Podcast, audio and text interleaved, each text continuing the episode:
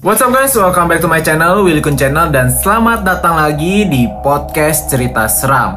Nah di episode cerita seram kali ini Gue akan menceritakan kisah seorang wanita bernama Natania Di mana dia itu menceritakan kalau dulu kakek neneknya itu adalah orang sakti Kemudian karena kakek neneknya ini orang sakti Akhirnya ini ibunya dapat ilmu dari kakek dan neneknya atau kayak kayak dipas gitulah sampai ke anaknya walaupun anaknya ini nggak belajar secara khusus. Nah kemudian dari ibunya ini ibunya sering mendapatkan kayak mimpi-mimpi di mana mimpinya ini ketika dia bangun menjadi kenyataan. Nah, bagaimana kisah dari Natania ini akan gue ceritakan kepada kalian. Tapi sebelum gue menceritakan kisah dari Natania, gue mau minta tolong ke kalian untuk selalu support channel ini dengan cara klik tombol subscribe-nya aja. Dan setelah kalian mendengarkan podcast ini, jangan lupa juga untuk di-share ya.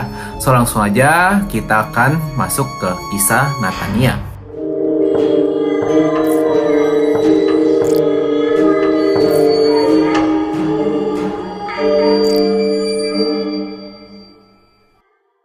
Nah, kisah Natania ini bermula dari sebuah pertanyaan. Adakah hal terseram yang ingin kamu bagikan? Natania mengatakan, bukan tentang saya, tapi tentang ibu saya. Sebelumnya, mohon maaf jika tulisan saya berantakan, karena saya jarang menulis dan selalu jadi silent reader. Ibu saya itu orang yang biasa saja, berasal dari keluarga yang biasa juga, tapi ayah dan ibu dari ibu saya atau bacanya itu kayak kakek dan nenek, bukan orang-orang biasa. Nenek saya adalah penganut kejawen. Nah, kejawen itu sendiri adalah pedoman berkehidupan bagi masyarakat Jawa. Dan menurut saya, masih kental sampai sekarang. Terakhir, saya sekeluarga ke rumah nenek tahun 2018 dan ada sesajen di rumah keluarga. Namun, karena pembawaan nenek ceria dan ramah ke siapa saja, jadi hawa mistis saat bersama nenek tidak terasa, kecuali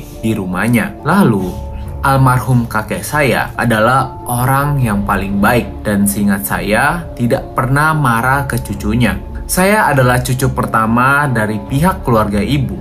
Jadi, waktu kecil saya merasa jadi kesayangan oleh keluarga besar ibu. Kakek saya adalah orang yang bisa dibilang ngilmu dan menyimpan benda-benda pusaka di rumahnya. Menurut cerita ibu, benda-benda tersebut yang memilih kakek sebagai majikannya, bukan kakek yang mencari. Dulu, kakek punya satu batu merah delima yang kalau dibuang pasti balik lagi ke rumah. Menurut dari cerita ibu sih, kakek itu orang sakti. Lebih lengkapnya tentang kakek dan nenek saya akan cerita di lain waktu. Karena kemampuan kakek dan nenek yang tidak biasa, ibu saya jadi orang yang peka. Tapi kepekaan ini tidak nurun kedua kakaknya. Jadi hanya ibu yang bisa dibilang dapet. Hehehe. Ibu saya itu perasa, tapi gak seperti orang yang peka kebanyakan. Ibu saya cuma bisa lihat kalau dikasih lihat sama huntunya. Tapi kalau ke hal yang gak berhubungan sama penglihatan, ibu saya juaranya. Dan yang paling sering, ibu bertemu dengan mereka lewat mimpi. Kayak pas baru pindah ke rumah yang sekarang, ibu dimimpiin sama penunggu rumah. Wujudnya lelaki, badannya tinggi besar, rambutnya panjang, kumisnya itu tebal dan pakaian baju Jawara Madura yang pakai ikat kepala.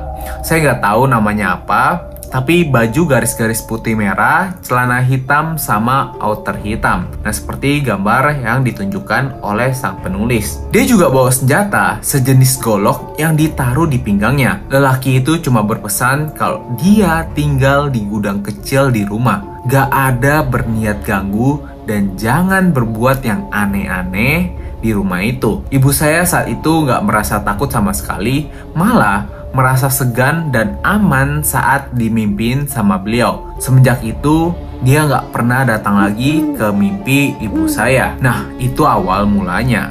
Sekarang bagian serem-seremnya ya. Saat itu, adik ketiga saya baru berumur 2 atau 3 tahun. Ibu, ayah, dan adik saya tidur di kamar depan kamar utama, dan juga kamar orang tua saya. Tempat tidurnya terletak di samping jendela kamar dan menghadap ke tembok. Lalu, Jendela mengarah ke jalan dan teras rumah, tempat menaruh barang-barang kayak ember, galon air minum, dan perkakas-perkakas lainnya. Nah, pas itu, malam sekitar jam 2 atau 4 subuh, ibu saya lupa lagi asik-asiknya tidur. Tiba-tiba, ibu saya bermimpi, di mimpi itu ada seorang perempuan berambut panjang memakai baju putih, tapi mukanya cantik. Perempuan ini ngomong kalau dia gemes sama adik saya dan minta buat gendong dia. Ibu saya nggak mengizinkan karena udah merasa aneh sama perempuan ini. Dan benar saja, perempuan itu memaksa dan berusaha menarik adik saya dari pelukan ibu saya. Pas lagi rebut-rebutan gitu, ibu saya kebangun dan di jendela kamar udah ada sosok perempuan yang melayang dan memerhatikan adik saya sambil ketawa-ketawa dan mukanya serem serta pucat. Beda sama yang dimimpiin ibu tadi. Ibu saya langsung ambil sapu lidi dan baca doa tanpa takut. Lalu memukul-mukul perempuan itu dengan sapu lidi. Tentu saja si perempuan itu berteriak, Panas! Panas! lalu hilang seperti asap. Ibu saya langsung membangunkan ayah untuk berdoa saat subuh dan semenjak itu Ibu saya selalu sedia gunting dan sapu lidi, takut kejadian itu keulang lagi. Pas tahun 2011 atau 2012, saya waktu itu kelas 3 SMP mau naik ke SMA. Ayah saya diguna-guna oleh rekan bisnisnya. Waktu itu, ayah saya seperti orang linglung, gak bersemangat dan selalu merasa panas di rumah udah berupaya ke orang pintar buat ngilangin efeknya dan puji Tuhan berhasil walau butuh proses waktu yang lama. Pastulah guna-guna itu berlangsung. Ibu saya bermimpi di teras dekat jendela kamar orang tua saya ada nenek-nenek yang meminta izin buat tinggal di situ sementara. Ibu saya heran terus bertanya, "Kenapa mau ditinggal di sana?" Jawab nenek-nenek itu membuat saya sekeluarga merinding saat itu. Mau bikin rumah ini jadi panas, terus kalian jadi gak betah. Kalau bisa, anak kamu mau saya bawa juga. Hahaha. Ibu saya langsung bangun sama keringetan sebadan badan. Ibu saya ngerasa kondisi kamar itu panas, padahal AC-nya nyala. Ibu saya jadi susah tidur saat itu dan cuma bisa berdoa semoga sekeluarga tetap dikasih keselamatan dan dijaga dari makhluk-makhluk hina seperti itu. Sebenarnya, ibu saya capek sering mengalami hal-hal seperti ini, tapi dia berpikir, udahlah ya, jalan Tuhan dan peringatan juga dari yang atas. Masih ada banyak lagi cerita-cerita tentang ibu saya dan mimpinya. Kapan-kapan saya cerita lagi tentang om saya yang sudah meninggal datang ke mimpi ibu saya dan ada juga lebih seram dibanding kedua cerita di atas tadi. Untung kepekaan ibu saya nggak nurun ke saya dan kedua adik saya. Terima kasih untuk dukungannya. Saya akan bercerita lagi tentang hal-hal seram yang terjadi di keluarga maupun pengalaman saya sendiri nantinya. Oh my god guys.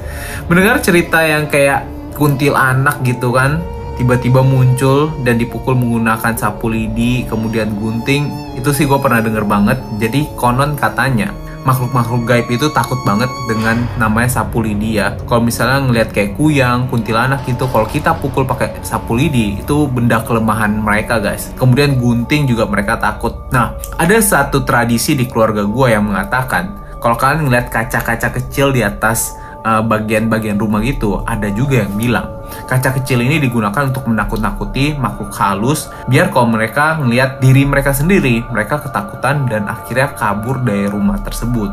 Jadi kayak kepercayaan-kepercayaan tentang benda-benda yang bisa mengusir makhluk halus tuh kayak gue sendiri sih percaya nggak percaya sih walaupun memang di rumah gue pribadi kepercayaan seperti ini masih dipegang. Nah kemudian juga kalau ngomongin tentang makhluk halus yang muncul di dalam mimpi. Om gue juga dulu pas meninggal, ini cerita tentang keluarga gue ya guys ya. Om gue dulu pas meninggal juga katanya dia itu sempat datengin ayah gue dan dia mengatakan kalau ini sudah waktunya dia pergi karena kebetulan ayah gue sama om gue tuh waktu itu kondisinya tuh memang deket banget dari kecil dan ketika om gue meninggal ayah gue ini bener-bener kayak sedih banget dan ya om gue datang untuk mengatakan kalau ini terakhir kalinya dia akan mengucapkan salam peninggalan gitu guys. Nah kemudian juga pas om gue meninggal tuh banyak banget hal-hal aneh. Dan salah satunya adalah temennya yang katanya uh, masih ngutang sama om gue itu didatengin ke rumahnya. Kemudian dia tuh kayak nongkrong di depan rumah temennya itu. Temen om gue itu karena dia nggak tahu om gue udah meninggal dia nanya ke om gue lu ngapain di depan situ terus mukanya pucet banget nggak ngomong apa-apa ngapain masuk aja. Tapi nggak dijawabin sama sekali. Sampai besok paginya dia baru tahu kalau om gue itu udah meninggal. Pada saat itu dia langsung mengembalikan utang-utangnya ke istrinya dan anak-anaknya guys. Ih menurut gue sih pribadi kayaknya kalau misalnya 100 hari orang yang baru meninggal gitu ya memang tuh kayak jiwanya itu masih kayak terbang-terbang gitu masih kayak nggak tahu dia tuh udah meninggal. Dan mungkin mau menyelesaikan apa yang belum diselesaikan Bener gak sih kalian ada kayak cerita kayak gitu atau kalian pernah ngalamin hal seperti itu? Nah kalau kalian punya pengalaman-pengalaman mistis dan kalian pengen share di podcast cerita seram ini, gue seneng banget kalau kalian mau share bisa kalian langsung aja DM ke Instagram gue di Willikun nantinya bakal gue bawain di podcast ini guys. Nah itu dia cerita dari Natania. Di part 2 nya akan gue bawakan di episode berikutnya. So, see you guys di episode berikutnya. Terima kasih telah mendengarkan podcast cerita seram dan telah mensupport channel ini. See you guys. Bye bye.